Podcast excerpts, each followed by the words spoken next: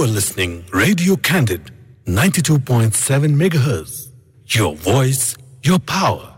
Candid Talk.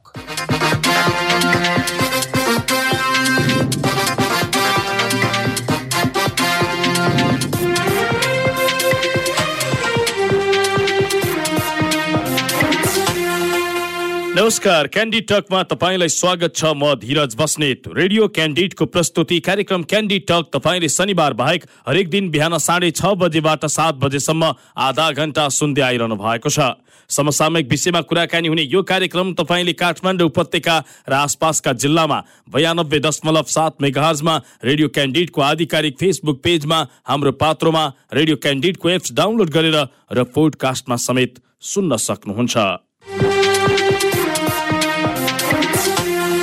संघीय संसदको दुवै सभाबाट पारित भई प्रमाणीकरणका लागि पुगे पनि राष्ट्रपतिले रोकेको नेपाल नागरिकता पहिलो संशोधन विधेयकको विवाद न्यायालय पुगेको छ।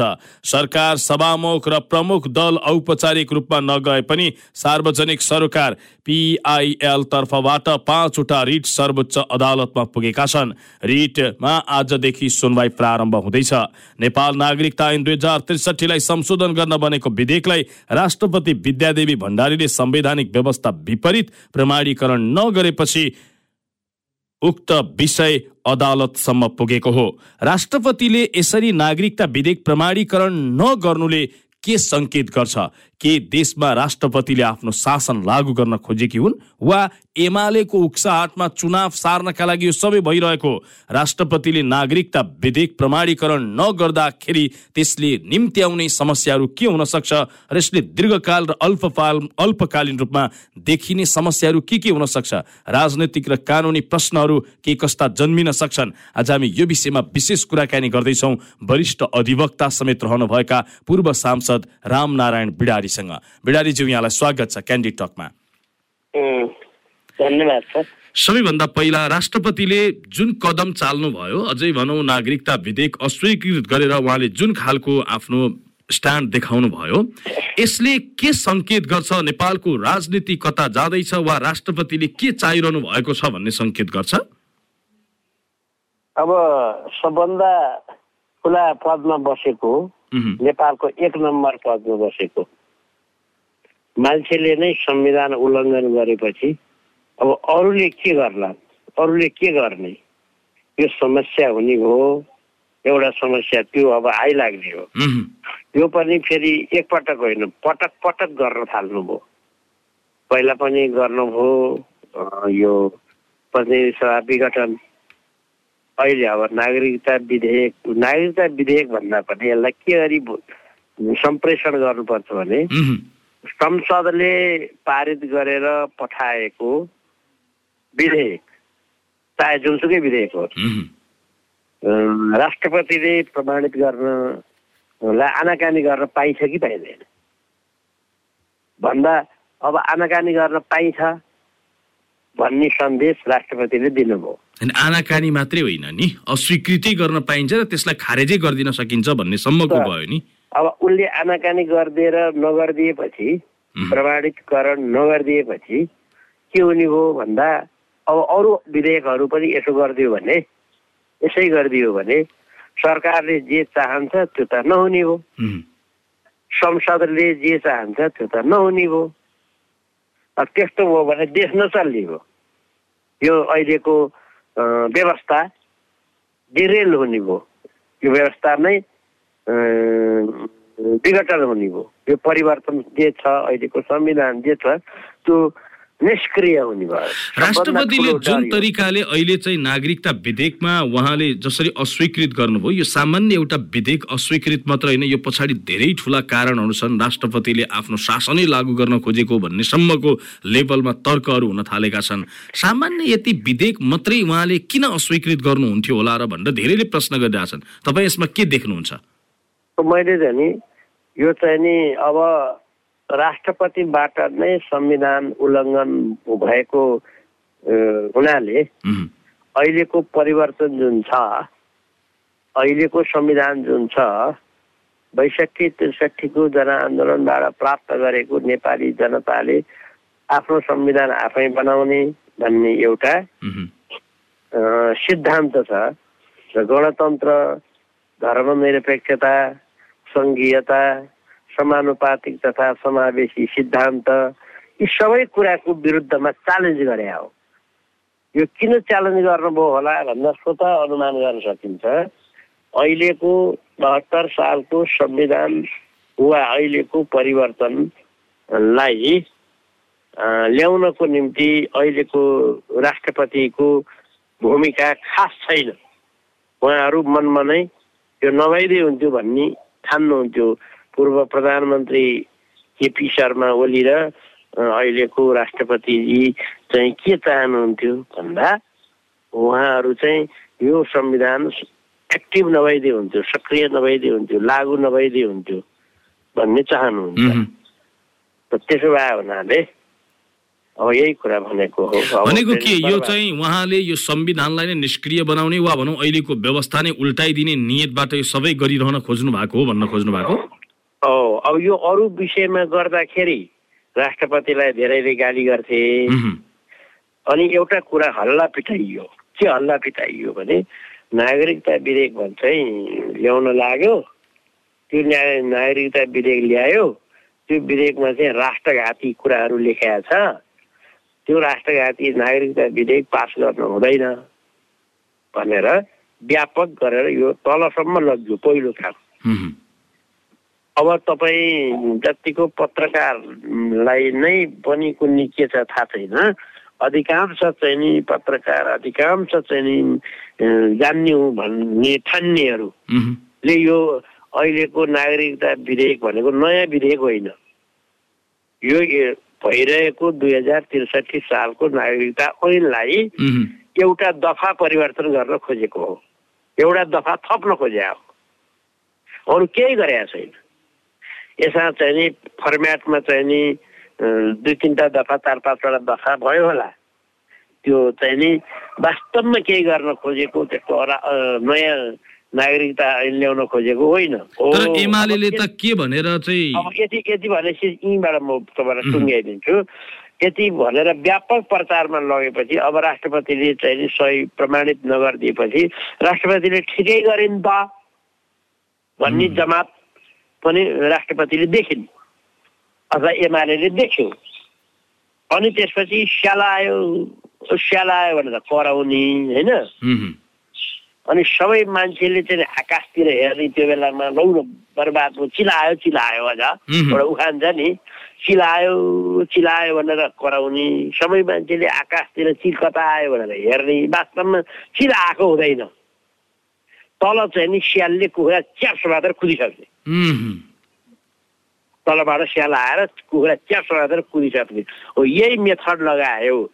नागरिकता विधेयक अरा के अरे राष्ट्रघाती छ भनेर व्यापक कराउने हो हो राष्ट्रघाती छ गर्नुहुन्न भनेर भन्ने।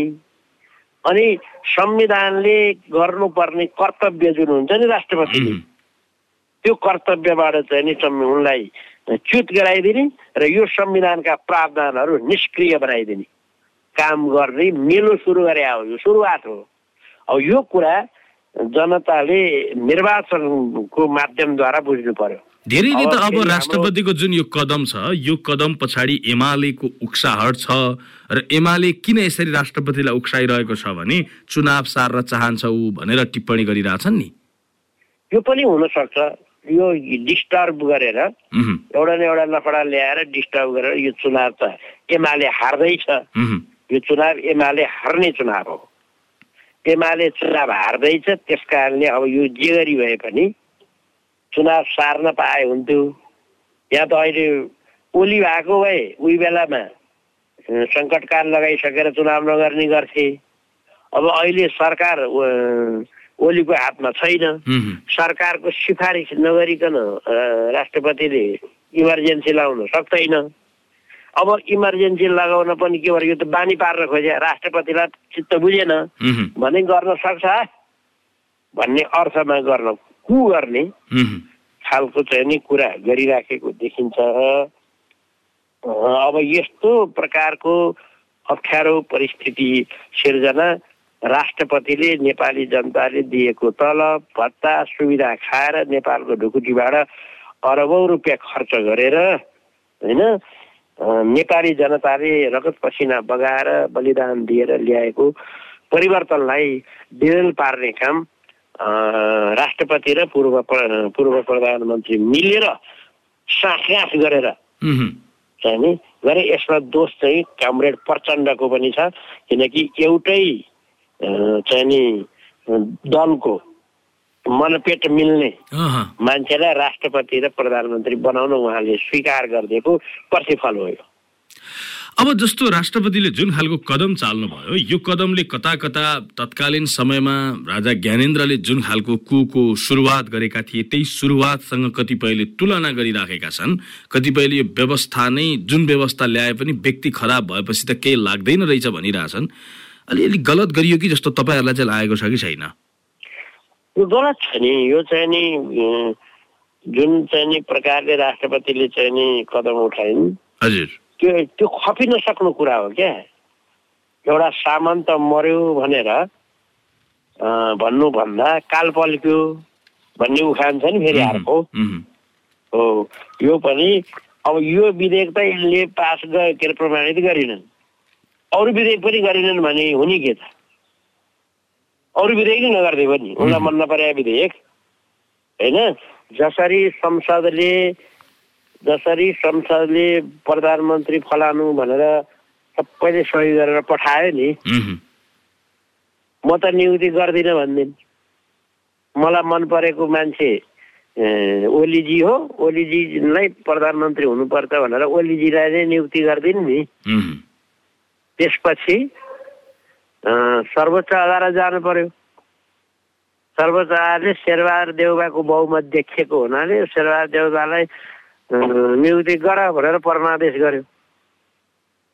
अब यो नागरिकता विधेयक पनि अब नागरिकता विधेयकमा पनि अदालतसम्म त पुगेको छ। नगरिदिएपछि अब अदालतमा चाहिँ परमादेश जारी गरी पाउँ भनेपछि अब अदालतले के भन्नुपर्ने हो भने नागरिकता विधेयक दुवै संसदले पास गरेर पठाएको हुनाले सङ्घीय संसदले पास गरेर पठाएको हुनाले त्यसलाई प्रमाणित नगर्नुपर्ने कुनै कारण राष्ट्रपतिसँग हुँदैन अधिकार छैन। तसर्थ राष्ट्रपतिले त्यो प्रमाणित गर्नु भनेर राष्ट्रपतिको नाउँमा परमादेश जारी गर्नुपर्ने परिस्थिति आयो।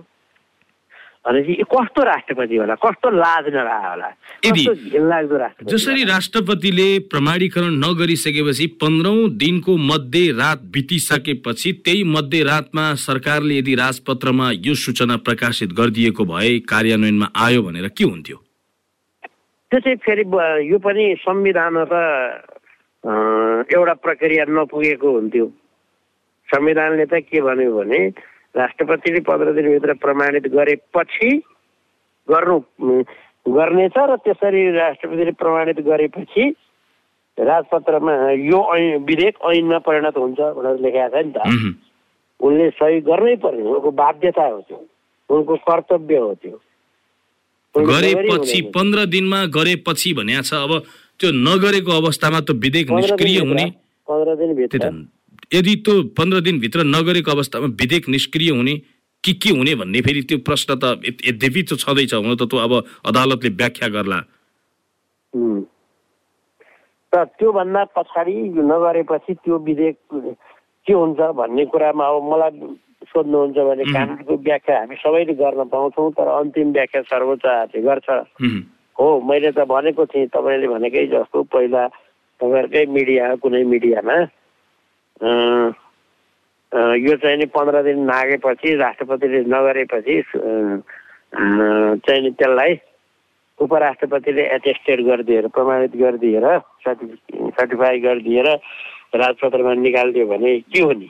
भन्दा यसमा चाहिँ टसल हुने भयो यो पनि संविधानभन्दा बाहेकै हुने भयो तर टिट फर ट्याट जस्तो हुने भयो जस्तालाई तस्तै जवाफ जस्तो हुने भयो त्यस कारणले यसमा अब अरू कुरै छैन। अब सर्वोच्च आयोगले यसको व्याख्या गर्छ। सर्वोच्च आयोगले नै यसको निर्णय दिन्छ। अहिलेलाई नेपाली जनता जसले नागरिकता पाएका छैनन् र दुःख पाइरहेछन् उनीहरूले केही समय फेरि थप दुःख पाउने भए यो राष्ट्रपतिको कारणले हो राष्ट्रपति यतिसम्म लज्जास्पद काम गरिन् भनेर भन्ने हो। यसमा नागरिकता विधेयकको महत्त्वपूर्ण कुरा भन्दा पनि राष्ट्रपतिले गर्नुपर्ने कर्तव्य नगरेको हुनाले कर्तव्यबाट च्युत राष्ट्रपतिले के अरे राज्य ढुकुटीबाट चाहिँ नि छानपिन गरेर बस्नु हुँदैन। त्यो अनैतिक हो भन्ने कुरा चाहिँ जनतामा जानु पर्यो अनि त्यसपछि अब अहिले महाभियोग लगाउन पनि संसद छैन। अधिवेशन छैन। त्यसपछि संसद अधिवेशन भए पनि गण के अरे गण के अरे सङ्ख्या पुग्दैन। दुई तिहाई चाहिन्छ। त्यही कारणले उहाँले यो न्यु खोजेको हो राष्ट्रपतिले मैले अर्को पाटोतर्फ तपाईँसँग थोरै कुरा जोड्न चाहे खास गरी निर्वाचन आयोगको सवाल छ। निर्वाचन आयोगले के गर्यो भने स्थानीय तहका एक लाख तेइस हजार उम्मेद्वारबाट जरिवाना धमाधम तोक्दै करिब चौबिस अर्ब रुपियाँ उठाउने उसले तयारी गरिराखेको छ। राजनीतिमा भर्खर आउँदै गरेका कैयौं व्यक्तिहरू जसलाई थाहै नदिकन यसरी जसरी जरिवानाहरू तोकिएको छ यसलाई कानुनी हिसाबले यो निर्वाचन आयोगले गरिराखेको काम ठिकै हो कि यसले आम जो व्यक्तिहरू जुन यो राजनीतिमा आउँदैछन् त्यसलाई अलि अप्ठ्यारो सकसमा पार्ने हिसाबले केवल पैसा उठाउने नियतले मात्रै निर्वाचन आयोगले यसो गरिरहेको तपाईँ देख्नुहुन्छ? त्यहाँ कानुन पनि अलिकति त्यस्तै रहेछ होइन? निर्वाचन आयोगले गर्नु पर्थ्यो के भने फटा हो सबै फटा।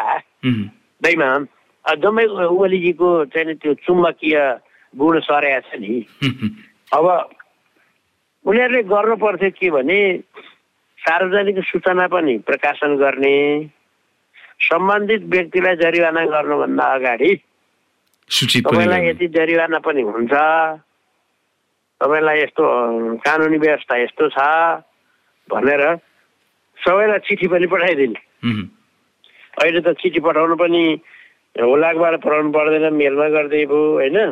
सार्वजनिक सूचना गरिदिए भयो अब आफ्नो चाहिँ वेबसाइटमा राख्यो अनेक गर्न सकिन्छ नि। उसले थाहा पाउनु पऱ्यो क्या जरिवाना तिर्ने मान्छेले। अब कैयौँ व्यक्तिहरू जसले चाहिँ खास गरी सामान्य अब दलित महिला सदस्यहरू सामान्य अब यी सदस्यहरू जो वडाका छन् उनीहरूले मुस्किलले तपाईँको चाहिँ यो बढीमा दुई चार हजार रुपियाँ पैसा खर्च गरेर चुनाव जिते होला। कैयौँ ठाउँमा त त्यो व्यक्ति पाउन पनि मुस्किल र जबरजस्त उनीहरू बस्दिनु पर्ने अवस्था र वा उठ्नुपर्ने अवस्था हुँदाखेरि त्यस्ता व्यक्तिहरूमाथि यो जरिवाना मलाई लाग्दैछ वा यसरी बुझाइन भने विवरण जरिवाना लाग्छ भन्ने समेत थाहा नपाइकन जरिवाना तिर्नुपर्ने बाध्यतामा पुर्याउँदाखेरि यसले त कसरी राजनीतिमा यसरी नयाँ पुस्ताहरू आउने र यी महिला दलितहरूको प्रतिनिधित्व अझै बढ्दै जाने कसरी हुन सक्ला र? त त्यही कारणले भने निर्वाचन आयोगले बेइमानी गर्यो। उसले चाहिँ नि प्रक्रिया अक्षरश कानुनको व्याख्या गर्यो। कठोर व्याख्या गर्यो। कठोर रूपमा लागू गर्न खोज्यो। यो गलत छ। गर्नुपर्ने चाहिँ उसले जरिवाना हुनेवाला जो छन् तिनीहरूलाई कम्तीमा पनि सात दिनको सूचना दिएर उनीहरूले त्यो सूचना प्राप्त गरेको चिज चाहिँ नि हेरेर अनि गर्नु पर्थ्यो त्यो कुरा गलत छ निर्वाचन आयोग एक प्रकारको रोबोटको काम गर्यो। मेसिनको काम।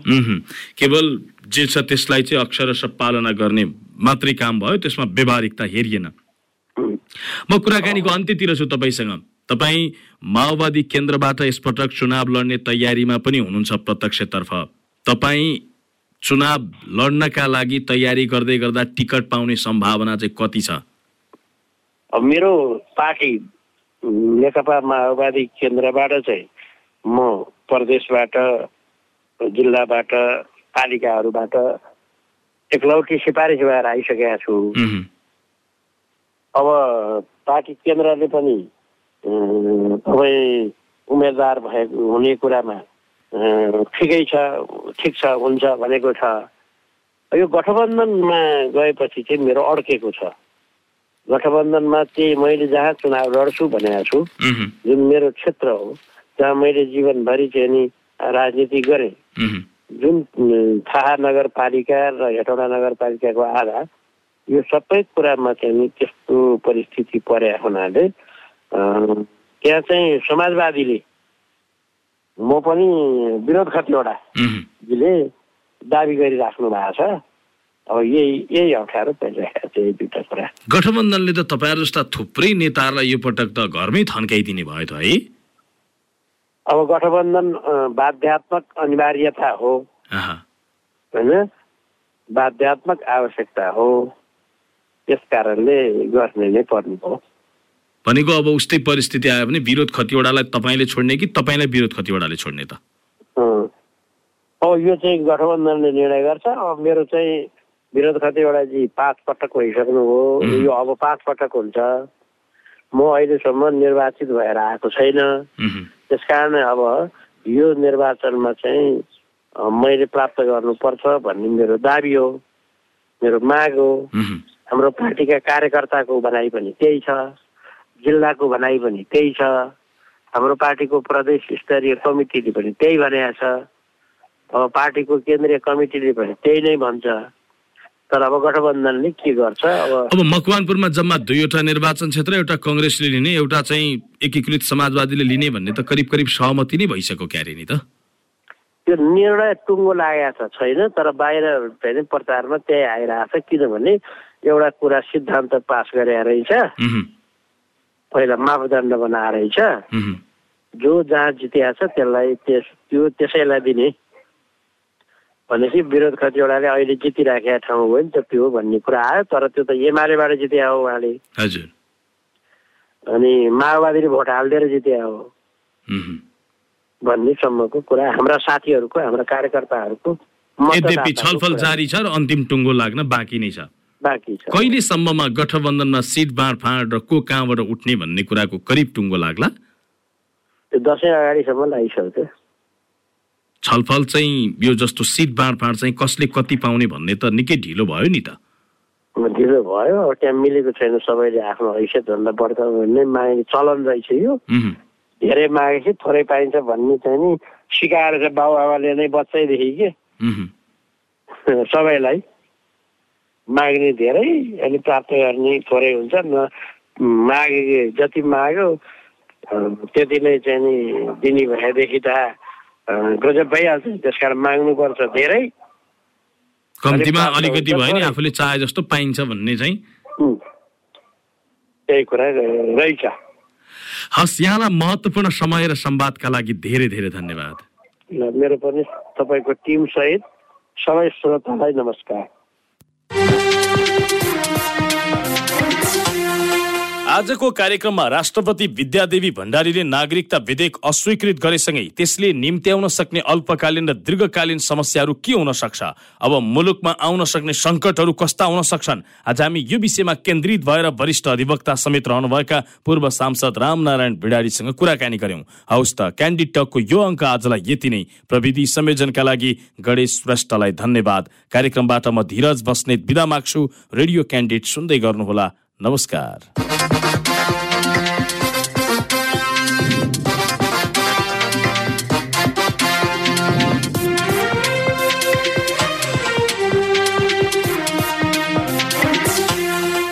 need talk.